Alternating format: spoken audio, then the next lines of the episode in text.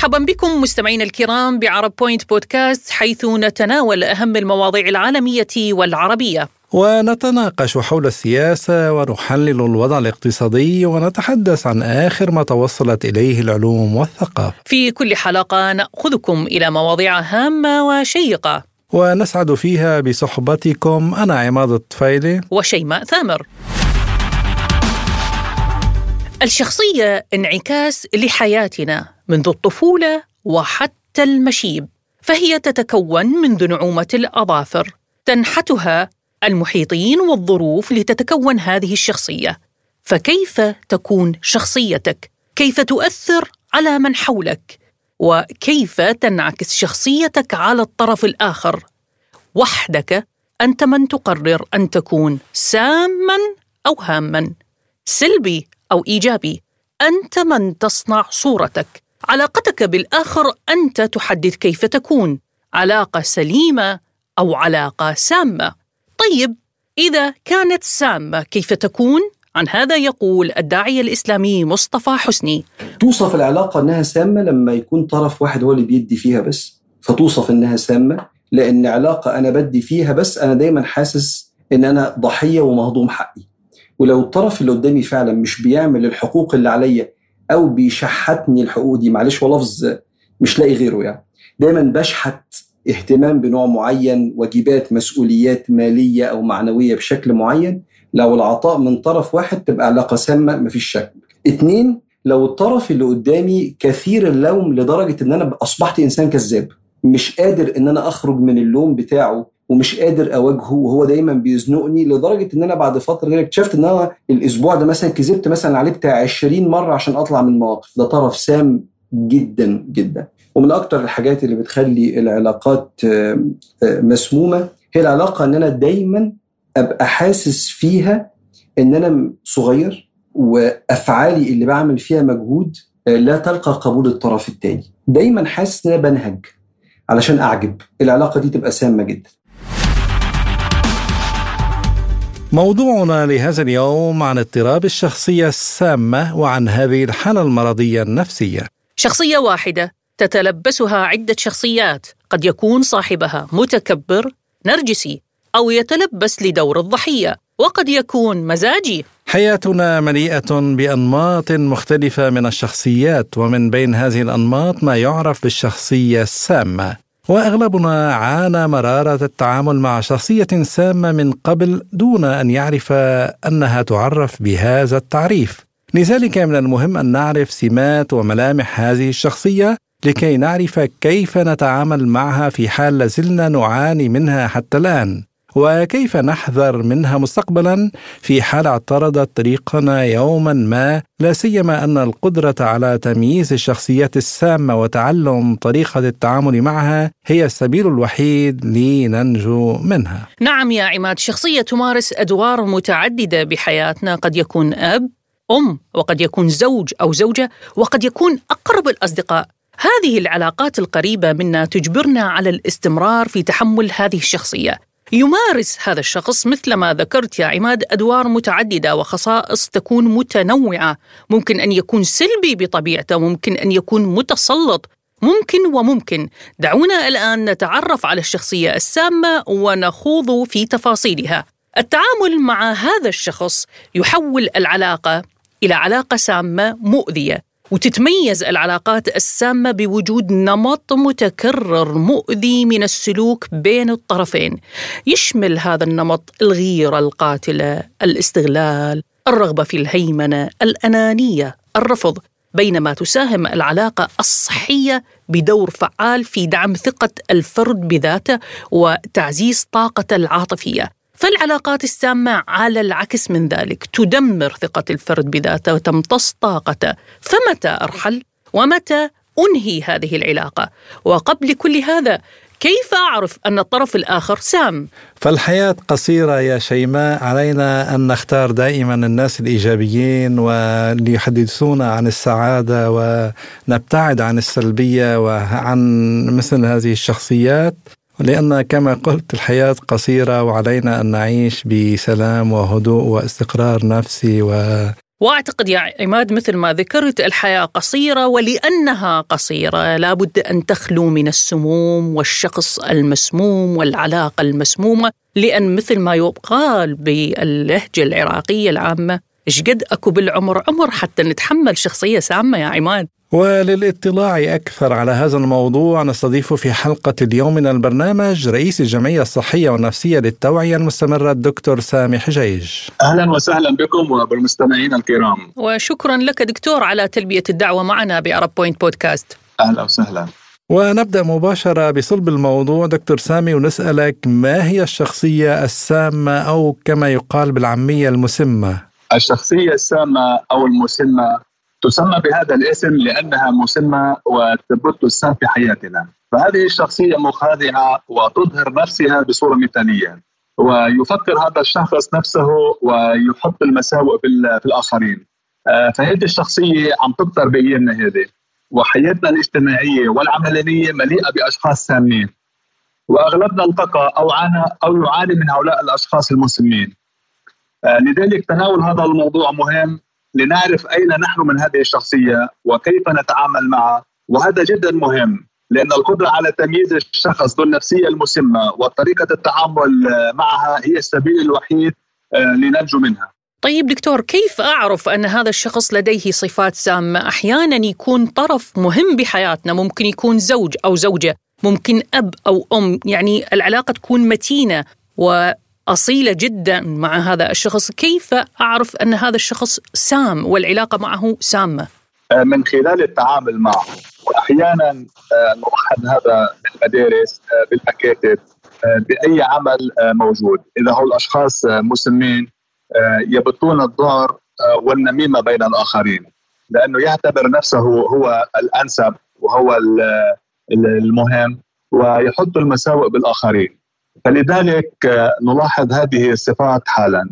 آه، ولذلك الذين يعملون مع هؤلاء الأشخاص خاصة في مكاتب أو في شركات أو في أي مكان آخر يعانون كثيرا من هؤلاء الأشخاص لأن يحبون نفسهم.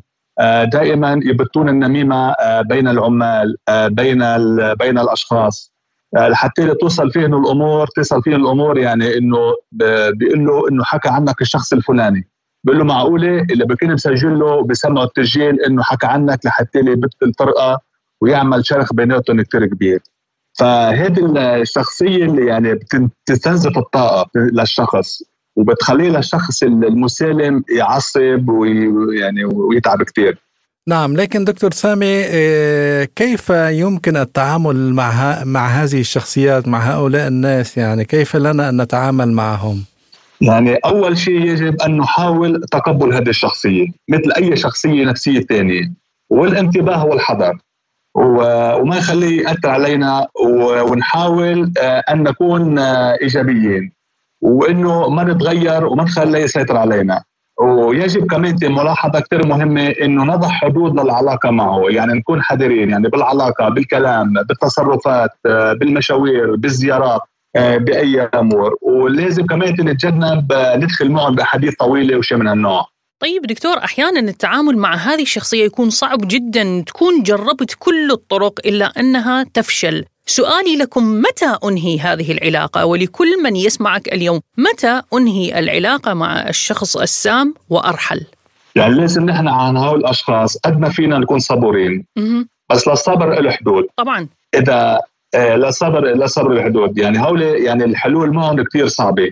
فما نحاول أو نكون إيجابيين ونحاول نكون علاقتنا معهم كثير يعني خفيفة آه، ومليحة ونظيفة أو هول نعمل بطر لإلهم. يعني ما في واحد كمان إذا كانت فتاة مثلا أو شاب عم بيشتغل بشركة وعلى طول هذا المسم آه، بيعمل له فبارك بلف وبدور بالكلام بركب عليه أفلام ما في يستمر كثير لأنه آه، على طول هو بيعتبر حاله الأنقى وهو الفهمان وهالأمور. طيب هناك أنماط ذكرتها بعض الدراسات دكتور ما أعرف إذا تتفق بها معنا، يعني آه، يقال أن نمط الغيرة القاتلة، الاستغلال، الرغبة، الهيمنة، الأنانية، الرفض كلها ممكن تكون مع هذا الشخص، وممكن أن يكون يمثل دور الضحية، ما العلامة البارزة التي ممكن من خلالها أنا وأنا أتعامل مع طرف آخر؟ آه، أقول بأنه سام. هذا شخص لديه صفات سامة. هل ممكن أن تكون صفات محددة بعينها مثل ما ذكرناها حسب التقارير الصحية أم هي آه، مع التعامل فقط مع الفترة مع طول مدة التعامل؟ هول هول الشخص المسلمين كثير يعني مؤذيين وعند الريبة وعند وعند النبيبة. فلازم آه، على طول نكون آه، نكون يعني حذرين منهم نكون حذرين منهم وما نعطيهم مجال ليسيطروا ليسيطروا علينا. وعلى طول هول يعني بياخذوا نفسهم دور الضحية. يعني بيعرفوا كيف بدهم يتلاعبوا بالكلام بيعرفوا كيف بدهم يأذوا آه، بيعرفوا كيف بدهم يركبوا يركبوا أفلام. يعني الإنسان الطبيعي الإيجابي ما بيطلع مع الرأس فلازم الواحد يكون إيجابي معهم وإذا في مجال يترك الشغل أو يترك العمل أو يبعد عنهم هي افضل أفضل الحلول. نعم. لأنه كثير أنانيين. إيه، إذا كان في مجال يعني للخيار إنه يترك الشغل. لكن دكتور سامي في حال الأهل لاحظوا على أولادهم ظهور يعني مميزات لهذه الشخصية كيف عليهم التصرف في هذه الحالة؟ يعني بهذه الأمور تلعب دورا فاعلا واساسيا هي العائلة. الأب الأم يعني الأسرة الجد والجدة والمحيط فيه المحيط مثلا المدرسة يعني والأصدقاء. فالأهل بيلعبوا دور فعال من خلال التربية. يعني عندما يلاحظوا يعني الولد هو يعني يعني يتلقى من الأهل يراقب الأهل كيف يتصرفوا. إذا كانوا الأهل أنانيين بده يتأثروا فيه بده يتأثر فيهم قصدي. وهو وهن كمان إذا لاحظوا هذه الصفات لازم يعملوا عليها ويشتغلوا عليها آه، لحتى يخلوا عنده طاعة دائما الإيجابية آه، وحب الآخرين. طيب دكتور. وحب للآخرين ما يحب لنفسه. آه، عذرا عن المقاطعة بما انه حضرتك تطرقت إلى موضوع مهم هو الأطفال هل من الممكن أن يخضع الشخص السام لعلاج نفسي؟ يعني بشكل عام هو العلاج كثير صعب ولكن التربية التربية تلعب دورا فاعلا بهذه الأمور. يعني الولد نعطيه آه، يختلط بالمجتمع بالمدرسة آه، نبعثه على مخيمات كشفية آه، يعلمونهم هناك مثلا علم نفس والمشاركة مع الآخرين والتطور مع الآخرين. ولكن البيت الأم والأب يلعبون دورا يعني استراتيجيا بهذا الأمر خاصة في سن الطفولة. لما يعني بكون الولد عمره 8 سنين 10 سنين هون التوجيه والتربية تلعب دورا فاعلا. وكل ما كان يعني أبكر أبكر شوي كل ما كان أحسن لأنه بيقدروا بهذا الوقت تنمية شخصية الطفل نحو الأفضل ونحو الأحسن ونحن ونحو الإيجابية آه، باحترام الآخرين وحب الآخرين والتعامل معهم بإيجابية آه، وعمل وعدم عمل أي سوء آه، لرفيقه لرفيقته هذا بتكون شغلة كثير ممتازة. أما علاجات دوائية وغيرها مش موجودة يعني. يعني بمعنى إنه إعادة برمجة لعقلهم الباطني يعني بشكل ما التاثير عليهم في تغيير يعني. الشيء اللي مبرمجين عليه السلبي باتجاه برمجة إيجابية يعني. طبعا يعني بشكل عام نحن بنعرف يعني نحن أكثر شيء بيأثر على الطفل بسن الطفولة مثل ما قلنا الأسرة البي والإم. والعم والخال والخالة والعمه هول بيلعبوا دور يعني بهالبيئة ما هو بيقعد بيستمع الولد. آه، من ناحية المدرسة المعلمات المعلمين يلعبون آه، دورا مهما بهذا الأمور. وطبعا بنعرف إحنا بكل هذه الحالات كمان يعني أنا موجود أو الطفل لازم نراقبه من مصاحب بالحي من مصاحب آه، يعني يكونوا هالأشخاص كمان يبعد عن الأشخاص المسمين عن الأطفال المسمين. ونفهمه وندير بالنا عليه بهالفترة.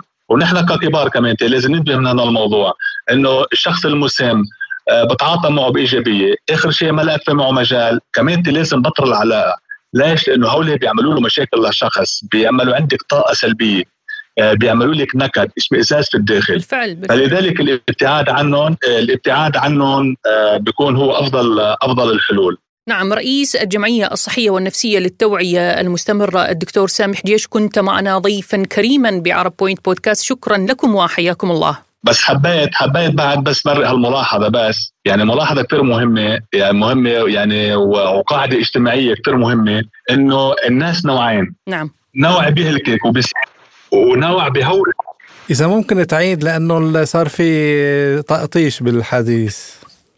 الناس المسلمين أو الناس المسمين بتقول له مثلا بدي سافر لحتى اشتغل بيقول لك ما هونيك في بطاله إذا كان متجوز آه، بيقول لك الزواج آه، بيعمل لي ملل. إذا كان أعزب كمان نفس الشيء. يعني هول على طول كلام مسم والبطل العلاقة معهم والتباعد عنهم كثير مهم. محبطين بكل الأمور. شكرا جزيلا دكتور سامي على هالإضاءة هي الواسعة لي عن الشخصية السامة وإلى لقاء آخر إن شاء الله. أهلا وسهلا. مع السلامة. تحدثنا اليوم بعرب بوينت بودكاست عن شخصية مهمة قد تكون بحياتنا بعملنا بحياتنا الشخصية. ممكن يكون صديق مقرب مثل ما ذكرنا شخصية لها صفات متعددة تؤثر علي وعليك بطريقة سلبية تجعل الحياة صعبة والعلاقة صعبة. يا عماد.